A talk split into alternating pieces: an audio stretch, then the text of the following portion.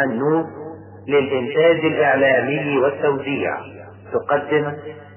أعوذ بالله بسم الله من الشيطان الرجيم. بسم الله الرحمن الرحيم. إن الحمد لله نحمده ونستعينه ونستغفره ونستهديه. ونعوذ بالله من شرور أنفسنا ومن سيئات أعمالنا. إنه من يهده الله فلا مضل له ومن يضلل فلا هادي له. وأشهد أن لا إله إلا الله وحده لا شريك له وأشهد أن محمدا عبده ورسوله. أما بعد فأهلا ومرحبا بكم في هذا الجمع المبارك. وأسأل الله عز وجل أن يجعل هذا اللقاء في ميزان حسناتنا أجمعين. عنوان محاضرتنا اليوم لسنا في زمان أبرهة. لسنا في زمان أبرهة. أبرهة قصته معروفة. أبرهة الأشرف ملك اليمن جاء بحده وحديده من اليمن ليهدم الكعبة كما تعرفون. في طريقه قبل أن يصل إلى الكعبة استطاع أن يغنم بعض الإبل من أهل مكة. مئتين من الإبل. أخذها ثم بدأ يستعد لدخول مكة. عبد المطلب جد رسول الله صلى الله عليه وسلم كان سيد مكة في ذلك الوقت. خرج عبد المطلب ليفاوض أبرهة قبل أن يدخل إلى مكة. لما رأى أبرهة عبد المطلب أجله وأعظمه وأكرمه وجلس إلى جواره. كان عليه هيبة. عبد المطلب جد رسول الله صلى الله عليه وسلم. فأبرهة تحدث مع عبد المطلب. قال له ما حاجتك؟ فقال عبد المطلب حاجتي أن يرد علي الملك مئتي بعير أصابها لي. طبعا أبرهة كان يتوقع أن عبد المطلب يسأل عن البيت. فأبرهة قال قد كنت أعجبتني حين رأيتك ثم قد شهدت فيك حين كلمتني. يعني استقل أوي عبد المطلب أنه يتحدث في مئتي بعير ويترك بيت الله الحرام قال أبرهة أتكلمني في مئتي بعير أصبتها لك وتترك بيتا هو دينك ودين آبائك. قد جئت لهدمه. لا تكلمني فيه. فقال عبد المطلب كلمة يعتقد البعض أنها جميلة. يعتقد البعض أنها تدل على اليقين. قال إني أنا رب الإبل وإن للبيت ربا سيمنعه. طبعا إخواني في الله أنا أرى الموقف الذي وقفه عبد المطلب من أبرهة موقف فيه سلبية مقيتة سلبية شديدة. أيعيش الإنسان يبحث عن لقمة عيشه وعن حياته وعن أولاده وعن إبله وعن ملذاته ويترك دين الله عز وجل. لله يحميه حق أنا أرى أن هذا قصور شديد في الفهم وانعدام للرؤية. ومع ذلك سبحان الله بعد هذا الموقف السلبي من أهل مكة. وبعد تطرق أهل مكة في شعاب الجبال أخلوا مكة تماما لأبرهة حتى يدخلها بجيوشه وبفيله بعد هذا الموقف السلبي نزلت الطير الأبابيل نزلت المعجزة الكبرى. طيور صغيرة ترمي بحجارة من سجيل أهلكت جيش أبرهة ومن معه. لماذا نزلت الطيور الأبابيل؟ ليه نزلت على قوم سلبيين؟ لأنه إخواني في الله كانت هذه سنة الله عز وجل في إهلاك الظالمين. كانت هذه السنة هي السنة في إهلاك السابقين قبل رسول الله صلى الله عليه وسلم من الظالمين. كان الله عز وجل يهلك الظالمين بخارقة والمؤمنون لا يرفعون سيفا ولا يشتبكون في قتال. لما حدثت هذه الخطورة على بيت الله الحرام طبقت السنة حتى في غياب المؤمنين. هذا كان يحدث أيضا مع الأنبياء السابقين قبل رسول الله صلى الله عليه وسلم. نوح عليه السلام على سبيل المثال لما كذبه قومه وشعر أنه لا أمل في إيمانهم وقف يدعو الله عز وجل كما صور الله عز وجل في كتابه الكريم فقال فدعا ربه أني مغلوب فانتصر. ماذا حدث؟ ففتحنا أبواب السماء بماء منهمر. وفجرنا الأرض عيونا فالتقى الماء على أمر قد قدر وحملناه على ذات ألواح ودسر. لم يحدث لقاء بين المؤمنين وبين الكافرين. فقط حدث الطوفان وحمل الله عز وجل المؤمنين في السفينة وكانت النجاة بهذه الخارقة. لوط عليه السلام أيضا لما كذبه قومه قال رب نجني وأهلي مما يعملون. جاءت الأوامر من الله عز وجل.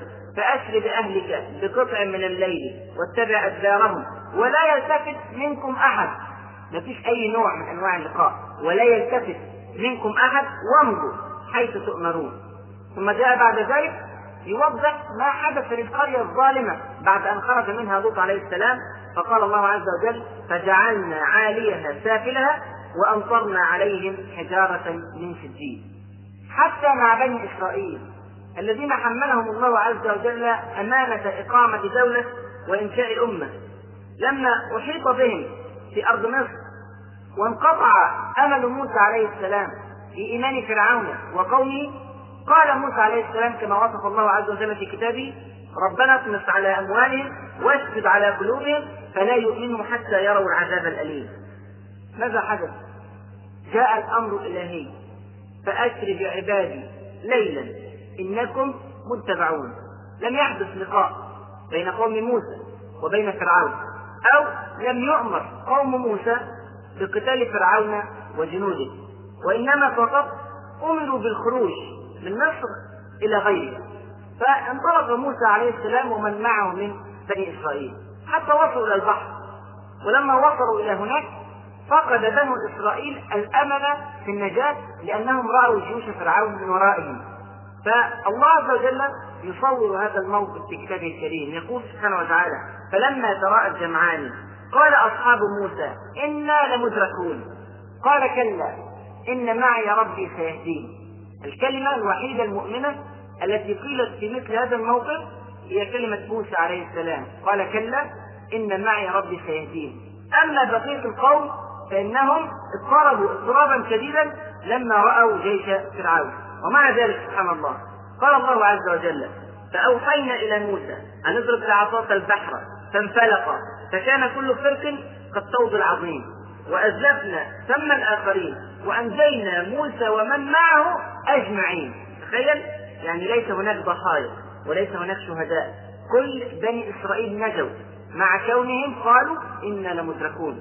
ثم أكمل الله عز وجل الآيات قال ثم أغرقنا الآخرين. فأهلك فرعون الظالم بخارقة شق البحر وأهلك فرعون عليه لعنة الله ومن معه من الجنود. ولكننا إخواني في الله في أول المحاضرة قلنا أن المحاضرة بعنوان لسنا في زمان إبراهيم. لماذا؟ لأن الله عز وجل شرع سنة جديدة في الطريقة التي يهلك بها الظالمون بعد خمسين يوم فقط من قصة أبراهيم وذلك بميلاد رسول الله صلى الله عليه وسلم. كانت حادثة الفيل هي آخر الحوادث التي ينصر فيها الدين بخالقه. نعم ما زالت سنة إهلاك الظالمين باقية. وقال الذين كفروا لرسلهم لنخرجنكم من أرضنا أو لتعودن في ملتنا. فأوحى إليهم ربهم لنهلكن الظالمين. هذا الكلام مطلق. لنهلكن الظالمين ولنسكننكم الأرض من بعدهم.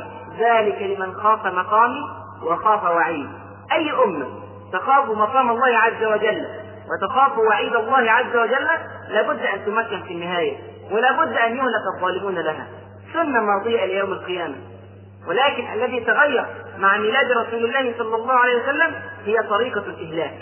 كان الظالمون في السابق يهلكون بخوارق أما في الرسالة الجديدة رسالة الإسلام فالسنة هي إن تنصروا الله ينصركم ويثبت أقدامكم. لابد أن يقدم المسلمون العمل. والعمل الخالص لله عز وجل الصحيح على منهاج النبوة. فإذا قدم المسلمون العمل أنزل الله عز وجل ما يشبه الطير الأبدي أنزل بركة ورحمة وأمنا وتأييدا وتوفيقا على المؤمنين وأنزل سخطا ونقمة وعذابا وإهلاكا على الكافرين. لكن بغير عمل لن تنزل الطير الأبدي وبغير جهد وبذل وعطاء لن ترمى حجارة من سجين. إنها السنة الجديدة الخاصة بأمة الإسلام وهي سنة ماضية إلى يوم القيامة لا تبديل لها ولا تحويل. إن تنصروا الله ينصركم ويثبت أقدامكم. كثير من الناس إخواني في الله أحبطوا من رؤية الظالمين يتمكنون من رقاب المؤمنين. تعلقوا بأحداد أمل بعيد أو مستحيل. أن تنزل الطير الأبابيل على الكافرين فتهلكهم. والمسلمون يراقبون الموقف عن بعد. هذا وهم إخواني في الله. هذا غياب فهم. هذا عدم فقه لسنة الله عز وجل في التغيير. لابد أن يعتمد المسلمون على أنفسهم على سواعدهم على شرعهم ومنهجهم. لابد أن يعتمد المسلمون إخواني في الله على ربهم. والاعتماد على الله عز وجل لا يكون إلا كما يريد هو سبحانه وتعالى لا كما نريد نحن بأهوائنا. الله عز وجل وضع لنا سننا واضحة في التغيير. قد تختلف حسب المرحلة التي يعيشها المسلمون. قد يكتفي المسلمون في زمن بالدعوة. وقد تكون الدعوة سرا أو تكون جهرا. قد يحتاج المسلمون إلى معاهدة. قد يحتاج المسلمون إلى جهاد. قد يجاهدون قوما ويتركون آخرين. وقد يجاهدون الكفار أجمعين. حسب المرحلة تتغير الطريقة ولكن في كل الأحوال لابد أن يقدم المسلمون شيئا. لا ينزل النصر على قوم كسالى لا ينزل على قوم قاعدين لا ينزل على قوم سلبيين. لذلك إخواني في الله لا يعجبني الدعاء الذي يدعو به بعض الناس. يقولون اللهم أهلك الظالمين بالظالمين وأخرجنا من بينهم سالمين. يا سلام. طب وأنت فين دورك؟ أتكتفي بالمراقبة ثم تسوقك الأحداث سوقا إلى سيادة وتمكين وعز وصداره هذا وهم إخواني في الله. هذا ليس من سنن الله عز وجل. إنما السنة إن تنصروا الله ينصركم ويثبت أقدامكم. وتذكروا نحن لسنا في زمان ابرهه ولن تنزل الطير الأبابيل بعد ذلك على الظالمين إذا فر من أمامهم الصالحون إلى رؤوس الجبال. نحن الآن إخواني في الله نشاهد الصواريخ والطائرات والدبابات والبوارج الأمريكية تعربد في كل بلاد المسلمين والمسلمون ينظرون بحسرة لمن جاء يدمر في بلادهم وأوطانهم ويقتل في أبنائهم وشيوخهم ونسائهم. وهم كما يظن البعض لا يملكون شيئا. فيقولون عسى الله أن يرسل طيرا أبابيل أو يرمي بحجارة من سجيل. عسى الله أن يحدث معجزة. عسى الله أن يأتي بخارقة. إلى هؤلاء الذين يعتقدون مثل هذا الاعتقاد أوجه نداء من قلبي. إلى أولئك الذين ينتظرون الصواعق أن تنزل على قاصفات أمريكا. وإلى أولئك الذين ينتظرون خسفا بجنود الأمريكان في الكويت والسعودية والعراق وقطر وعمان وتركيا وباكستان وأفغانستان وأوزبكستان وغيرها من بلاد المسلمين. وإلى أولئك الذين ينتظرون طوفانا يغرق أساطيل الأمريكان في الخليج العربي وفي البحر الأبيض والأحمر والأسود والأصفر وكل ألوان الدنيا إلى هؤلاء جميعا أقول سيطول انتظاركم ولن تنزل الطير الأبابيل أو اشبالها إلا بعمل سنة واضحة إن تنصروا الله ينصركم ويثبت أقدامكم. إخواني في الله نحن لسنا أعز على الله عز وجل من نبيه محمد صلى الله عليه وسلم. مضت معه هذه السنة في كل حياته. في بدر مثلا أبشع أجيال الكافرين. يتزعمهم فرعون هذه الأمة. يقاتلون خير أجيال الأرض. يقودهم رسول الله صلى الله عليه وسلم. ومع ذلك لم تنزل الطير الأبابيل على جيش الكافرين لتمنع موقعة بينهم. بل على العكس. كل الملابسات كانت تدفع دفعا إلى القتال حتى على غير رغبة الطرفين. قال الله عز وجل ولو تواعدتم لاختلفتم في الميعاد. ولكن ليقضي الله امرا كان مفعولا. ويقول في موضع آخر. وإذ يريكموهم إذ التقيتم في أعينكم قليلا. ويقللكم في أعينهم. لماذا؟ ليقضي الله امرا كان مفعولا. لا بد من اللقاء إخواني في الله. ولن تنزل الطير الابابيل قبل اللقاء. مع أن جيش المؤمنين أكرم على الله عز وجل ألف ألف مرة أو يزيد من أهل مكة حين غزاها أبرهة عليه نعمة الله. لكنها إخواني في الله سنة جديدة تستقر. إن تنصروا الله ينصركم ويثبت أقدامكم. لا بد من اختيار المكان. لا بد من الشورى الحقيقية. لا بد من تنظيم الصفوف. لا بد من التأليف بين القلوب. لا بد من حمل السيوف. لا بد من خطة محكمة لا بد من دعاء مستفيض. لا بد من ثبات راسخ. لا بد من جراح وآلام ودماء وشهداء. وعندها ستنزل الطير الأبابيل. تنزل في صورة ملائكة في صورة مطر في صورة رعب في قلوب الكافرين في صورة فرقة وتشتت في صفوف أعداء الدين.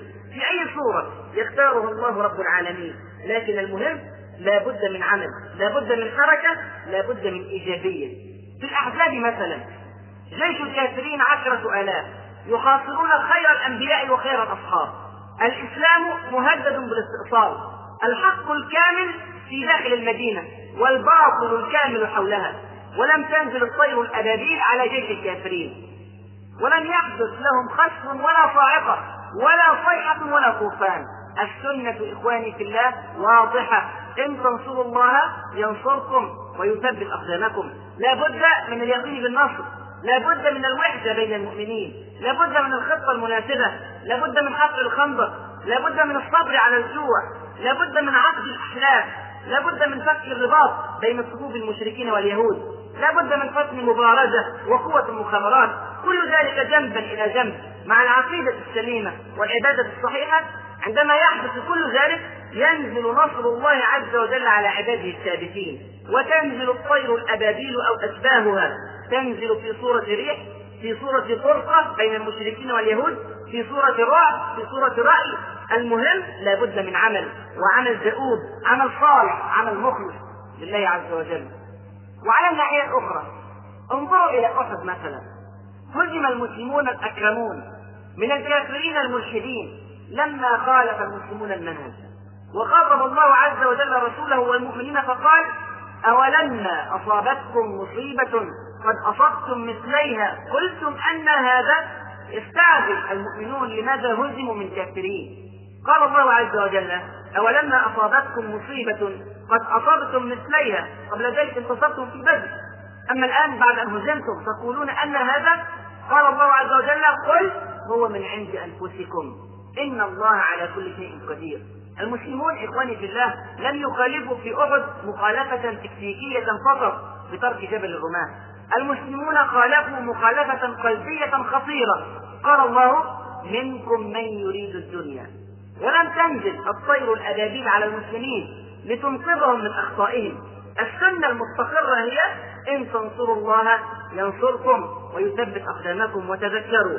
نحن لسنا في زمان أبرهة. نحن في زمان رسول الله صلى الله عليه وسلم.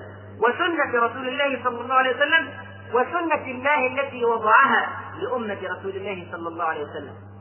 والآن إخواني في الله ما العمل مع هذا الوضع الذي تعيشه أمة الإسلام في هذه الأيام؟ ما العمل مع المأساة التي تمر بها العراق؟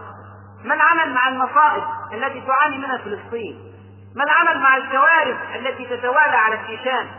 ما العمل مع الظلم الذي يقع على المسلمين في كشمير وفي البوسنة وفي كوسوفو وفي الفلبين وفي بورما وفي أفغانستان وفي السودان وفي ليبيا وفي غيرها من بلاد المسلمين؟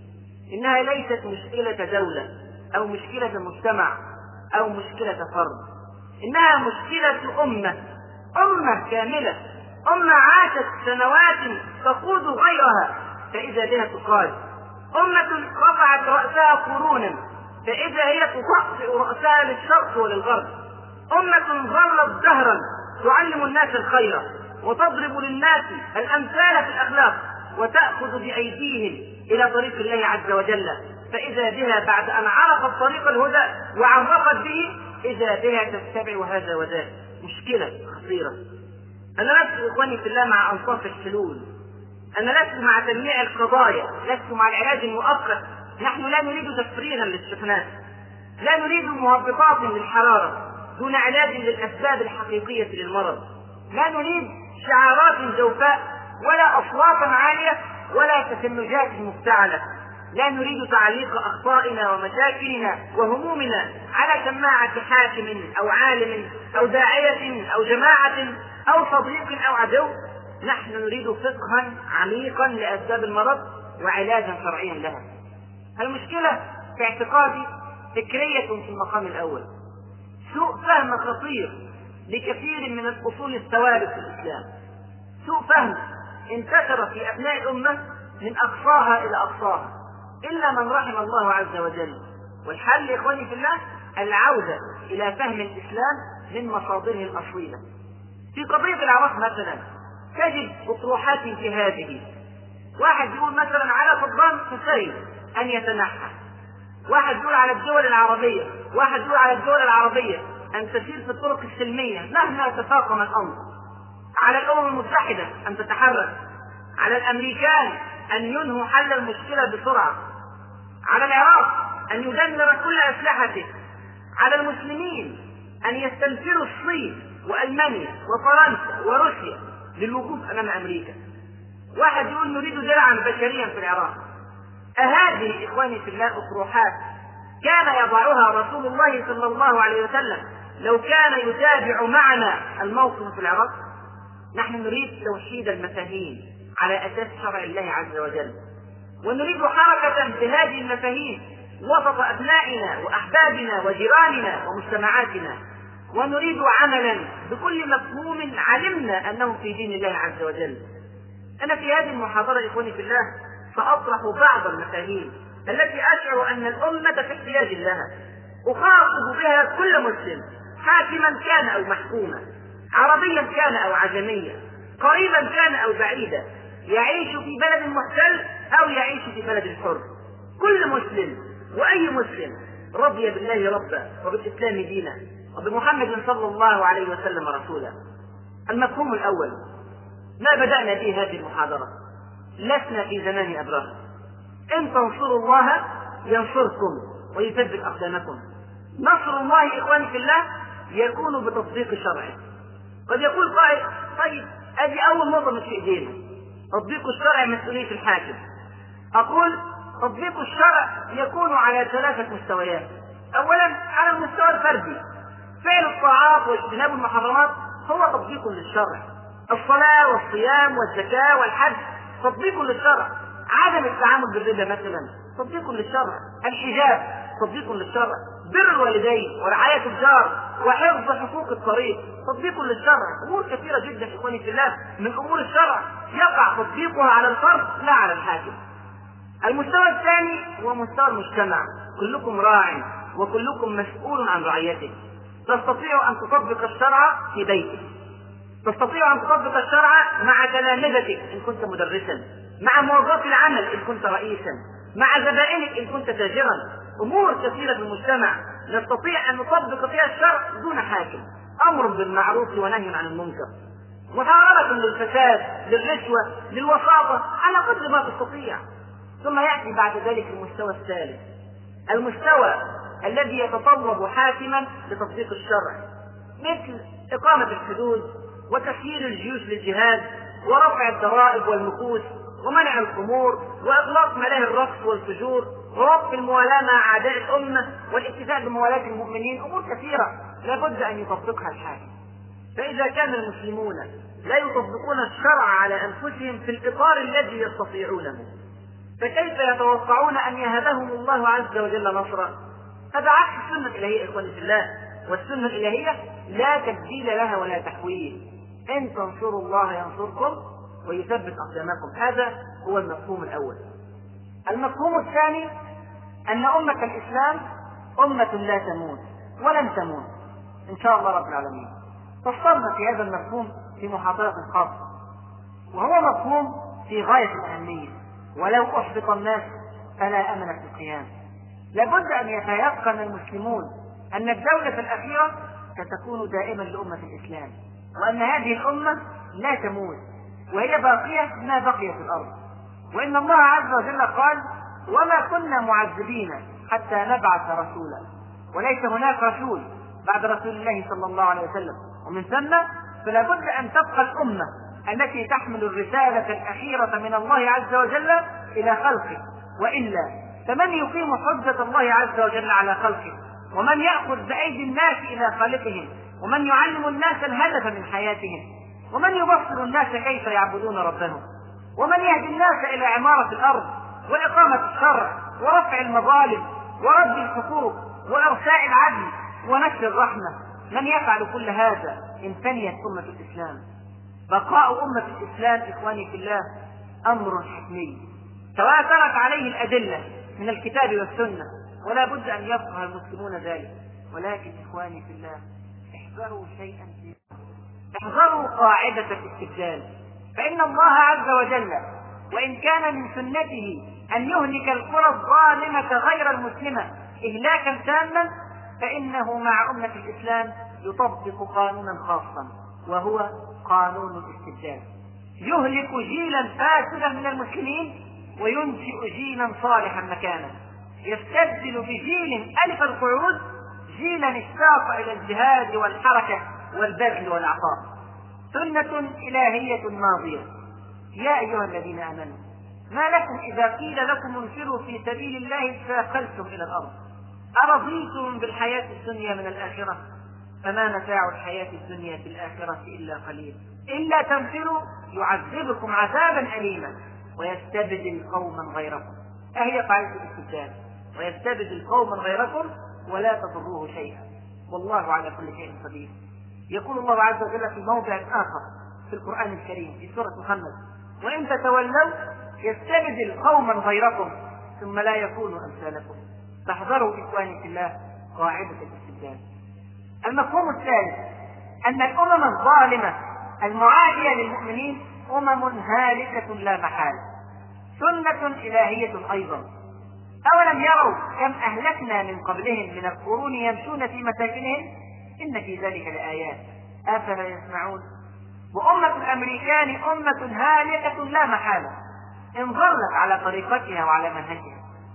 استجمعت أمة أمريكا أسباب الهلكة التي جاءت في كتاب الله عز وجل. وقد فصلنا ذلك أيضا في محاضرة سقوط أمريكا. فلا داعي للتكرار. ولكن كلما أهلك الله عز وجل أمة ذكر لنا أسباب هلاكها. وقد تجمعت هذه الأسباب جميعا في أمريكا الآن. فلم يعد لها على ظهر الأرض الكثير. اتصفت هذه الأمة بالكبر والظلم والترف والذنوب والبطر والعنصرية. وهي صفات لا تقوم مع وجودها الأمم. وهو مفهوم لا بد أن يفقهه كل المسلمين. والأصل الإسلامي الثالث الذي يجب أن نعيه هو لا يغرنك تقلب الذين كفروا في البلاد. متاع قليل ثم مأواهم جهنم وبئس المهاد. المفهوم الرابع في غاية الأهمية إخواني في الله الفشل قرين التنازع. والنصر لا ينزل على التراجل النصر إخواني في الله لا ينزل على المتفرقين ولا تنازعوا فتفشلوا وتذهب ريحكم واصبروا. إن الله مع الصابرين. ولا تكونوا كالتي نقضت غزلها من بعد قوة أنكاسا واعتصموا بحبل الله جميعا ولا تفرقوا. ولا تكونوا كالذين تفرقوا واختلفوا. من بعد ما جاءتهم البينات آيات كثيرة في كتاب الله عز وجل تحض على الوحدة وعلى الألفة وعلى الترابط وعلى الأخوة بين المسلمين. هذا ليس على مستوى البلاد الإسلامية فقط بل على مستوى الشعوب والأفراد. إذا كان المسلمون مثلا في عمارة أو في مبنى لا يستطيعون أن يتحدوا لإصلاح شؤونهم.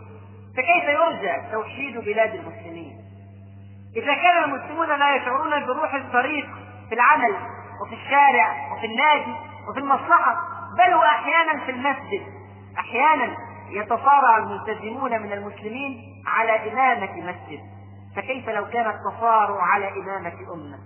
إذا كان هذا يحدث فكيف تتجمع أمة المسلمين؟ وكيف ينزل النصر من عند الله رب العالمين؟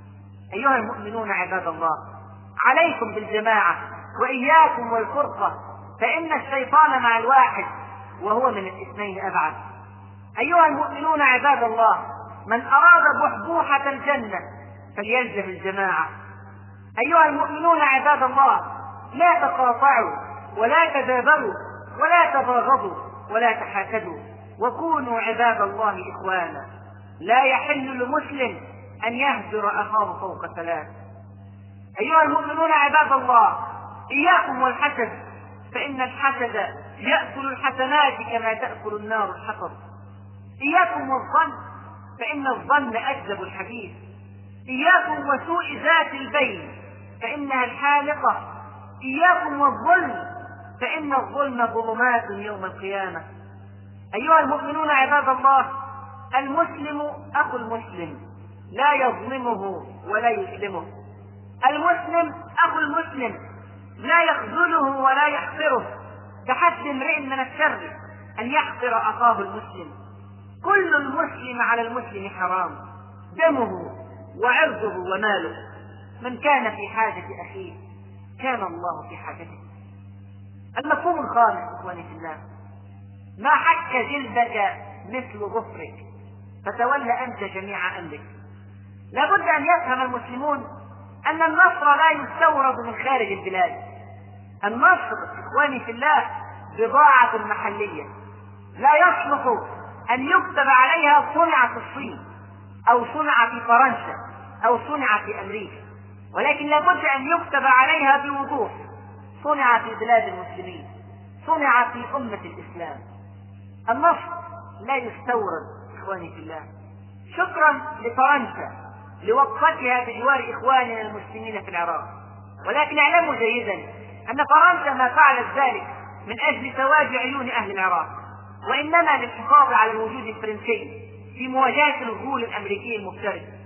ولا تنسوا ما فعلته فرنسا في الجزائر وتونس والمغرب وسوريا ولبنان وقبل ذلك في مصر. ولا تنسوا أن فرنسا كان لها اليد العظمى وما زال لها تلك اليد في الفتنة الدائرة في بلاد الجزائر الآن.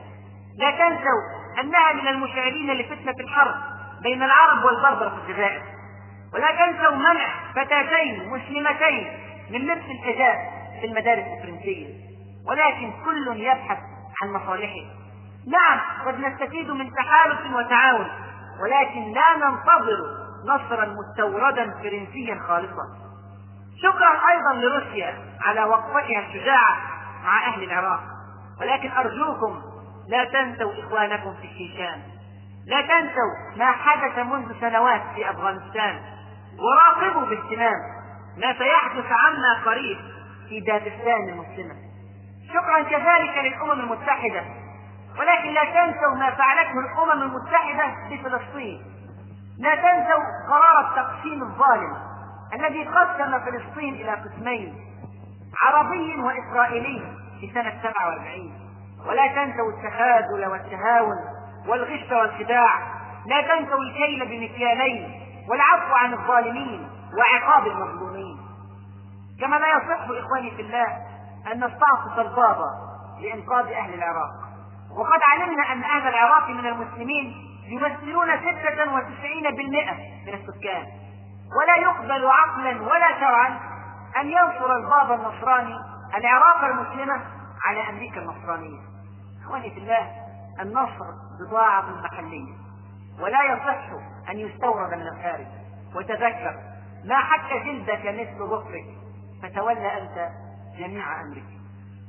المفهوم السادس كما تكون يولى عليكم لا تنشغلوا كثيرا إخواني في الله بالحديث عن السكان لا تنشغلوا بإلقاء التبعة على أكتافهم وتنسوا أنفسكم.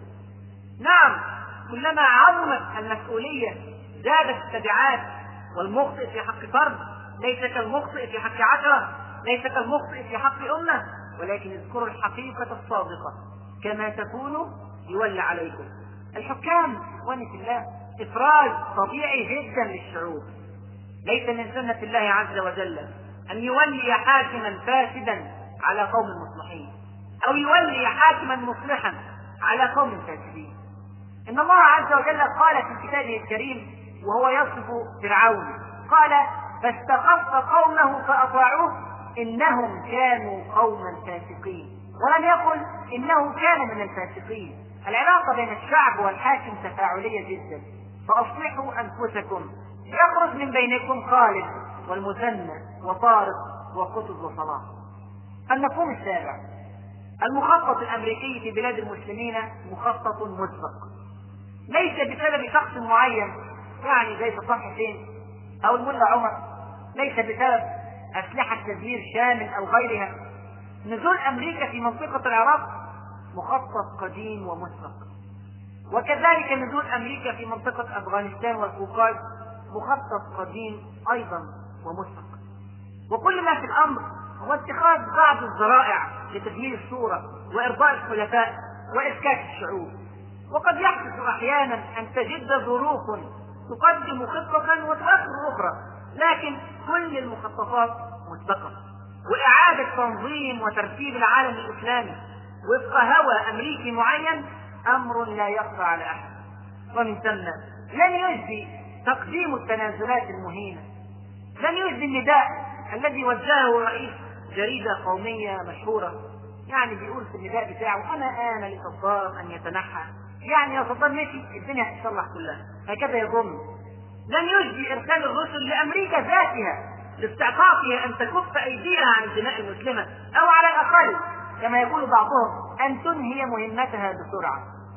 إخواني في الله استعطاف أمريكا كالذي يستعطف ذئبا أن يرعى أغنامه تماما؟ بتمام. المفهوم الثاني أمة الإسلام تملك الكثير.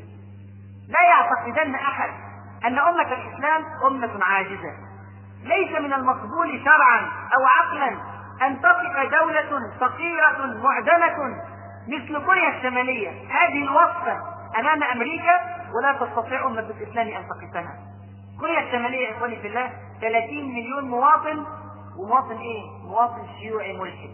30 مليون فقط. أمة الإسلام مليار وثلث مليار. مساحة كوريا الشمالية 120 ألف كيلو متر مربع فقط. عشر مساحة مصر. ثلاث محافظات فقط من مصر. ستة وأربعة من عشرة مليون مواطن في كوريا الشمالية مهدد بالموت جوعا. فقراء فقر معدم يعيشون على الطحالب وعلى الأعشاب. أما أمة الإسلام فأنت تتحدث عن إمكانيات هائلة. إمكانيات اقتصادية وبشرية وعقلية وجغرافية واستراتيجية وفوق ذلك إمكانيات عقائدية ليست لغيرها من الأمم. الله مولانا ولا مولى لهم. كيف يستطيع أهل كوريا أن يصنعوا سلاحا ولا نستطيع نحن؟ كيف لا يقبل أهل كوريا خفض رؤوسهم وتقبل أمة المليار أن تخفض رأسها؟ المسألة إخواني في الله مسألة روح. مسألة إرادة وعزيمة.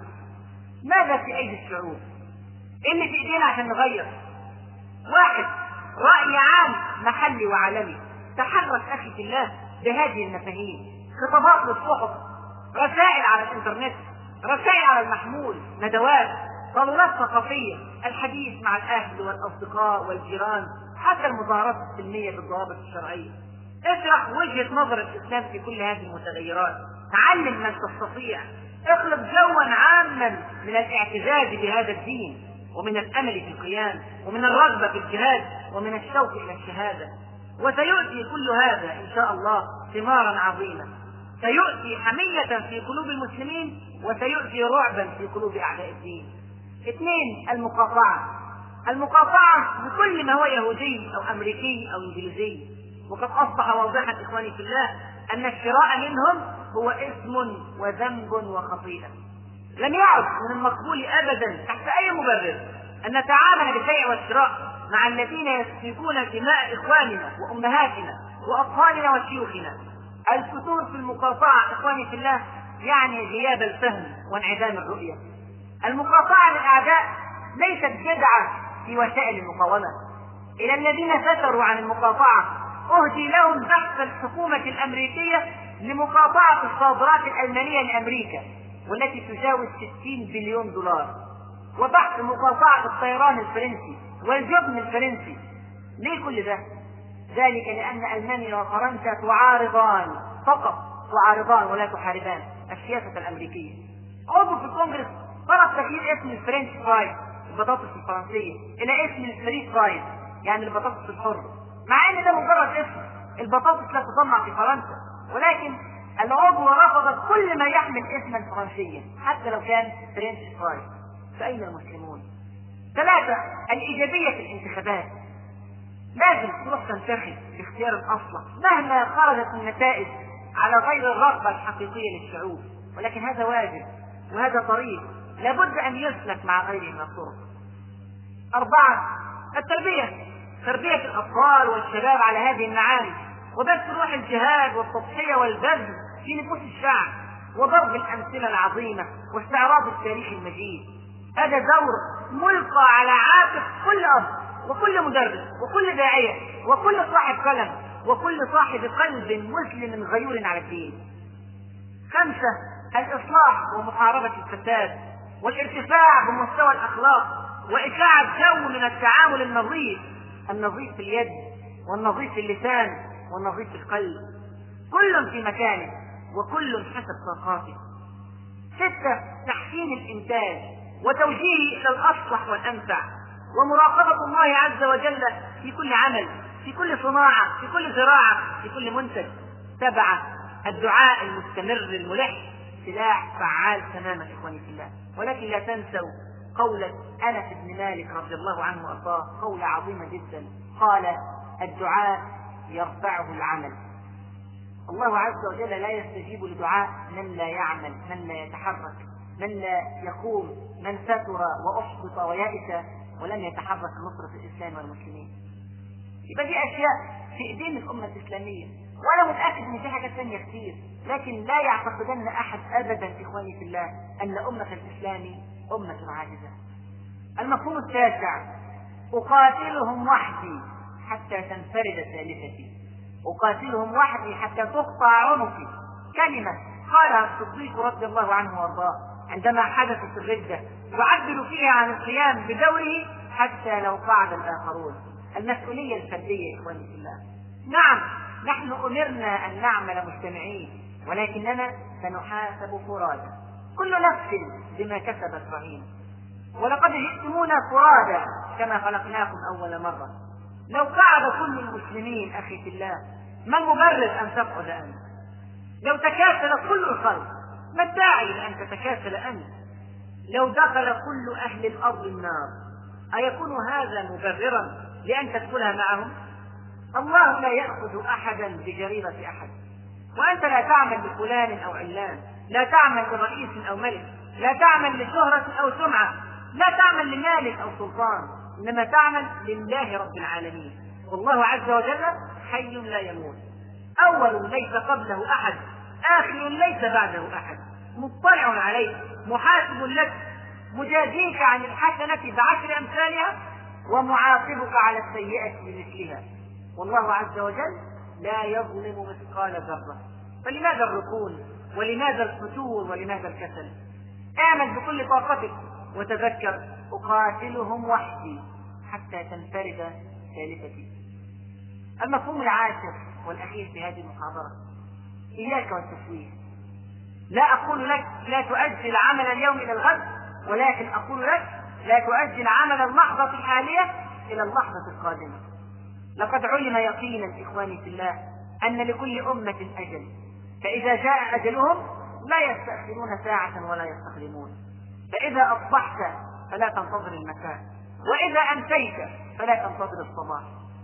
إذا أردت دعاء فمن الآن. إذا أردت مقاطعة فمن الآن. إذا أردت صلاة وقياما وزكاة فمن الآن. إذا أردت صلحا مع أخيك وصلة لرحمك وبرا لوالديك فمن الآن. إذا أردت دعوة إلى الله وأمرا بالمعروف ونهيا عن المنكر فمن الآن. إذا أردت وقفا لفساد أو رشوة أو وساطة فمن الآن. إياك والتسويف الشيطان لا يأمر العباد المؤمنين بالامتناع عن الأعمال الصالحة ولكن فقط يأمرهم بتأجيلها. فإذا أجلت وقفت في أغلب الأحوال. فلا تسلمن نفسك للشيطان ولا تكونن متبعا لهواك كان هذا إخواني في الله المفهوم العاشر فتلك عشرة كاملة لو فهمناها وفهمناها وتحركنا بها. قامت لنا أمة ورفعت لنا راية وكتب لنا نصر وسيادة وتمكين. وختاما أخي وحبيبي ورفيقي في طريق الله. ليست هذه أول الأزمات التي مرت بأمتنا الإسلامية. ليست هذه أول الجروح أو أول الآلام. ليست هذه أول السقطات بعد وفاة رسول الله صلى الله عليه وسلم ارتدت جزيرة العرب بكاملها إلا ثلاث مدن وقرية. وظهر من يدعي أنه يوحى إليه وأنه رسول بعد رسول الله صلى الله عليه وسلم. ومن أظلم ممن افترى على الله كذبا أو قال أوحي إلي ولم يوحى إليه شيء ومن قال سأنزل مثل ما أنزل الله. ظهر مسيلمة الكذاب وارتد معه عشرات الألوف. ومع ذلك لم تنزل الطير الأبابيل. ولم ترمى حجارة من سجين. ظل الوضع كما هو عليه إلى أن بعث الله عز وجل رجالا يحبهم ويحبونه. أذلة على المؤمنين أعزة على الكافرين. يجاهدون في سبيل الله ولا يخافون لومة لائم. جاء خالد بن الوليد وأصحابه ليطهروا الأرض من مسيلمة وأصحابه. أما قبل قدوم المجاهدين فلا طير أبابيل. ذبح الصليبيون في بيت المقدس سبعين ألفا من المسلمين في يوم واحد. ولم تنزل الطير الأبابيل ولم ترمى حجارة من سجين وظل الوضع كما هو عليه إلى أن جاء صلاح الدين الأيوبي ومن معه من المجاهدين ليطهروا الأرض من الصليبيين. استباحت تتار بغداد وقتلوا من أهلها ألف ألف مليون مسلم في أربعين يوما.